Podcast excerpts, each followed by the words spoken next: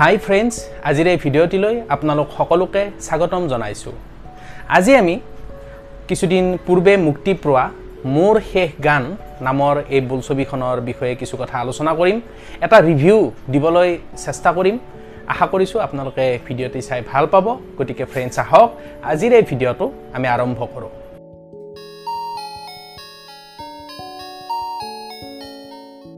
Friends যোৱা চৈধ্য অক্টোবৰ তাৰিখে অসমৰ প্ৰায়ভাগ চিনেমা হলতে মোৰ শেষ গান নামৰ এই চিনেমাখনে মুক্তি লাভ কৰিছিল আৰু মুক্তি লাভ কৰাৰ প্ৰায় পিছৰে পৰাই সমগ্ৰ অসমবাসীৰে এই চিনেমাখনে মৰম বুটলিবলৈ সক্ষম হৈছে। আৰু ময়ো যোৱাকালি এই চিনেমাখন গুৱাহাটীৰ পি ভি আৰ চিনেমা হলত গৈ চালোঁ। আৰু এই চিনেমাখন চাই মোৰ কেনেকুৱা লাগিল তাকেই আমি এতিয়া আলোচনা কৰিম। ফ্ৰেণ্ডছ প্ৰথমতে যদি আমি চিনেমাখনৰ বিষয়ে ক'বলৈ যাওঁ তেতিয়াহ'লে এই চিনেমাখনৰ যিটো বিষয়বস্তু সেইটো হ'ল এজন ব্যক্তি যিয়ে মুম্বাইত থাকে। অসমৰ লগত তেওঁৰ এক গভীৰ সম্পৰ্ক আছে। তেওঁৰ হৃদয়ত অসমৰ প্ৰতি এক গভীৰ ভালপোৱা আছে। কিন্তু কিছুমান বিশেষ কাৰণত তেওঁ অসমৰ পৰা বহু বছৰ ধৰি দূৰত আছে অৰ্থাৎ মুম্বাইত তেখেতে বাস কৰে। আৰু তেখেতৰ এজন ল'ৰা আছে। ল'ৰাজনো মুম্বাইতে তেখেতৰ লগতে থাকে আৰু তাতেই চাকৰি কৰে।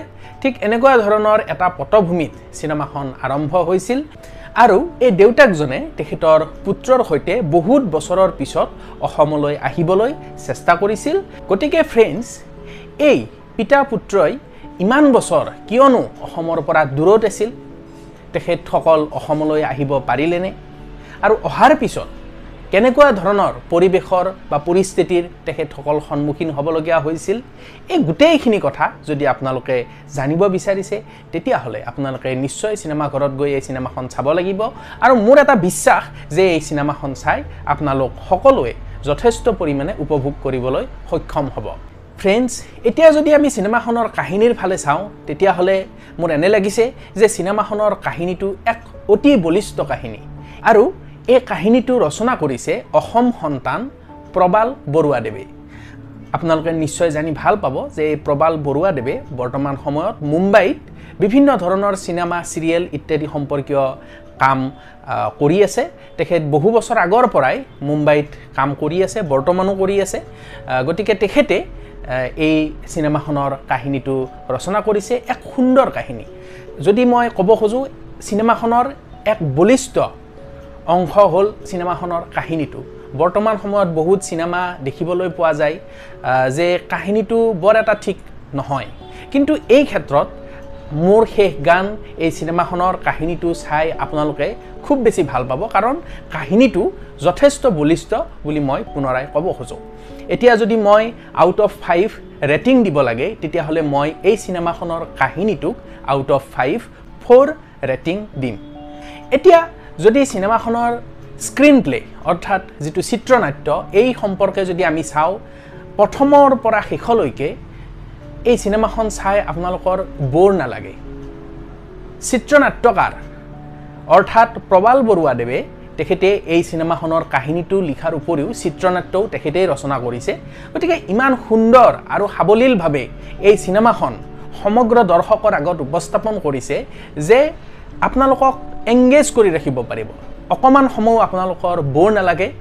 ইমূৰৰ পৰা সিমূৰলৈ অৰ্থাৎ আৰম্ভণিৰ পৰা শেষলৈকে আপোনালোকে সম্পূৰ্ণৰূপে এই চিনেমাখনৰ লগত এংগেজ হৈ থাকিব পাৰিব।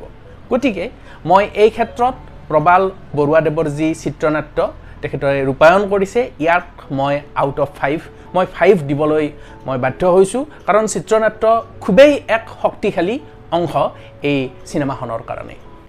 এতিয়া যদি আমি এই চিনেমাখনৰ মিউজিকৰ কথা যদি ক'ব যাওঁ আপোনালোকে নিশ্চয় চাগে ইউটিউবত এই চিনেমাখনৰ যিটো শীৰ্ষ সংগীত জুবিন গাৰ্গৰ কণ্ঠত এই চিনেমাখনৰ শীৰ্ষ গীতটি শুনিব পাইছে। ইউটিউবত এইটো উপলব্ধ। আপোনালোকে শুনি হয়তো আপোনালোকেও ভাল পাইছে ময়ো খুব ভাল পাইছোঁ। চিনেমাখনৰ গানটো খুবেই ভাল হৈছে। অসমৰ এগৰাকী যশস্বী গায়িকা দীপলিনা ডেকাইও এটা গীতত কণ্ঠ আগবঢ়াইছে। গতিকে এই গানটো যথেষ্ট ভাল হৈছে। আৰু ইয়াত আৰু এটা বস্তু ভাল লাগিল যে জ্যোতিপ্ৰসাদ আগৰৱালাৰ কিছুমান অমৰ সৃষ্টি কিছুমান গান এই চিনেমাখনত সন্নিৱিষ্ট কৰা আছে।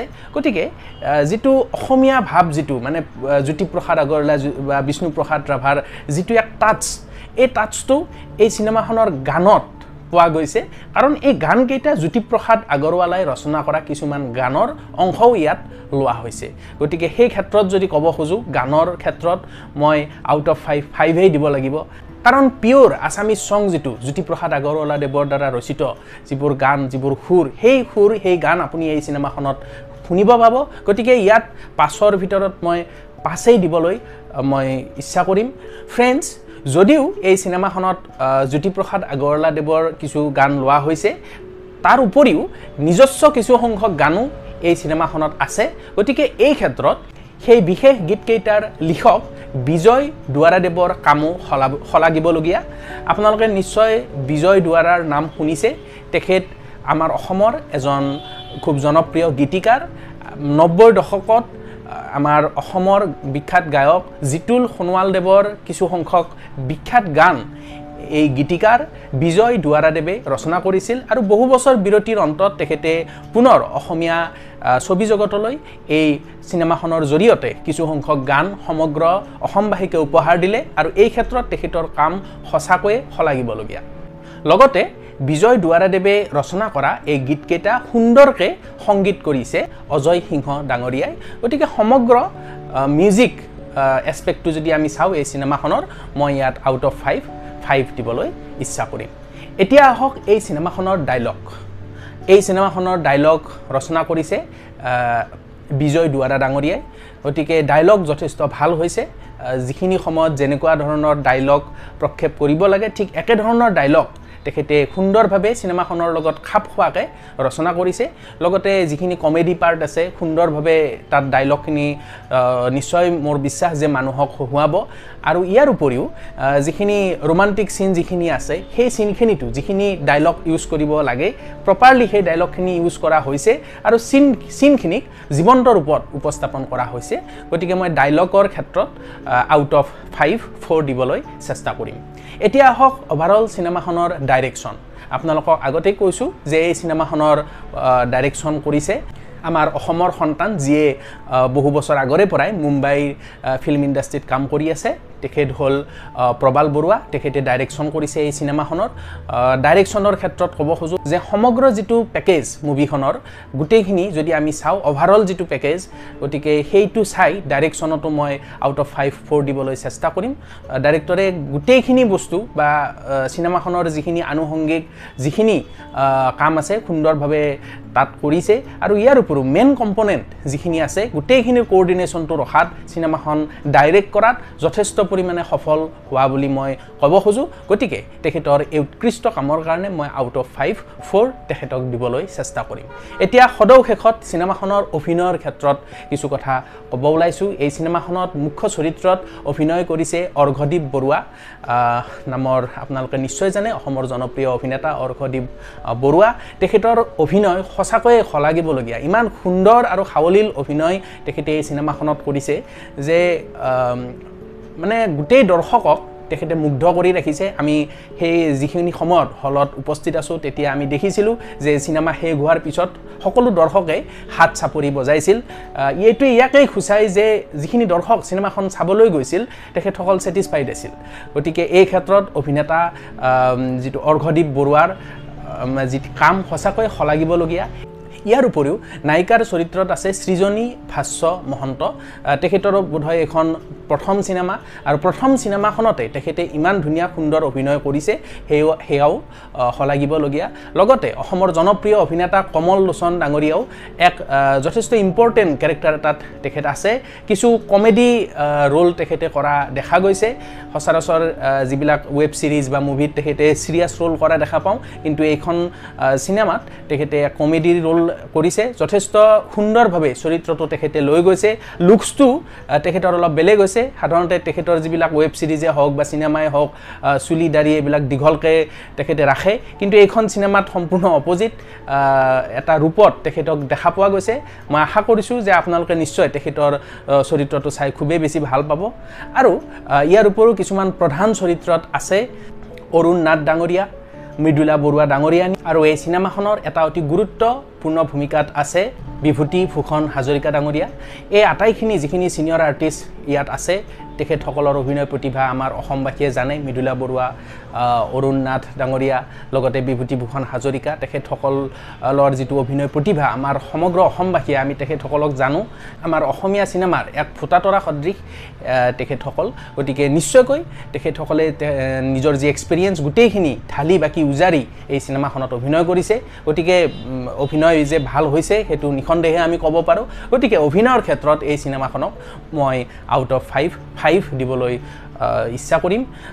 সদৌ শেষত এই চিনেমাখন চাই যদি অভাৰঅল মই চাওঁ খুব ভাল এখন চিনেমা। আপোনালোকে নিশ্চয় গৈ এই চিনেমাখন চিনেমা হলত গৈ চাব লাগে। আপোনালোকে নিৰাশ নহয় এইটো মোৰ বিশ্বাস। মানে ফেমিলি ড্ৰামা এখন আপোনালোকে উপভোগ কৰিব পাৰিব। পৰিয়ালৰ সকলোকেইটাই গৈ এই চিনেমাখন একেলগে চিনেমা হলত গৈ উপভোগ কৰিব পাৰিব। আৰু বৰ্তমান সময়ত যথেষ্ট সংখ্যক অসমীয়া চিনেমা আহি আছে আৰু ইয়াৰ মাজত নিঃসন্দেহে মই ক'ব খোজোঁ যে এই চিনেমাখনো এখন অতিকে গুৰুত্বপূৰ্ণ চিনেমা বুলি মই ক'ব খোজোঁ আৰু ভৱিষ্যতলৈকেও এই চিনেমাখন অসমীয়া চিনেমা জগতত এক উল্লেখযোগ্য চিনেমাৰূপে চিহ্নিত হৈ ৰ'ব। মই আশা ৰাখিছোঁ এই চিনেমাখনে আৰু সফলতা অৰ্জন কৰক আৰু আশা কৰিছোঁ যে আপোনালোকেও গৈ এই চিনেমাখন যাতে চিনেমা হলত গৈ চাই। ফ্ৰেণ্ডছ আজিলৈ ভিডিঅ'টো ইমানখিনিয়ে। আশা কৰিলোঁ আপোনালোকে ভিডিঅ'টো চাই ভাল পালে। যদি ভাল পালে ভিডিঅ'টো লাইক কৰিব শ্বেয়াৰ কৰিব কেনে পালে কমেণ্টত জনাব চেনেলটি ছাবস্ক্ৰাইব কৰিব। অহা খণ্ডত এক নতুন বিষয় লৈ আপোনালোকৰ ওচৰলৈ আহিম। আজিলৈ আপোনালোকক বহুত বহুত ধন্যবাদ।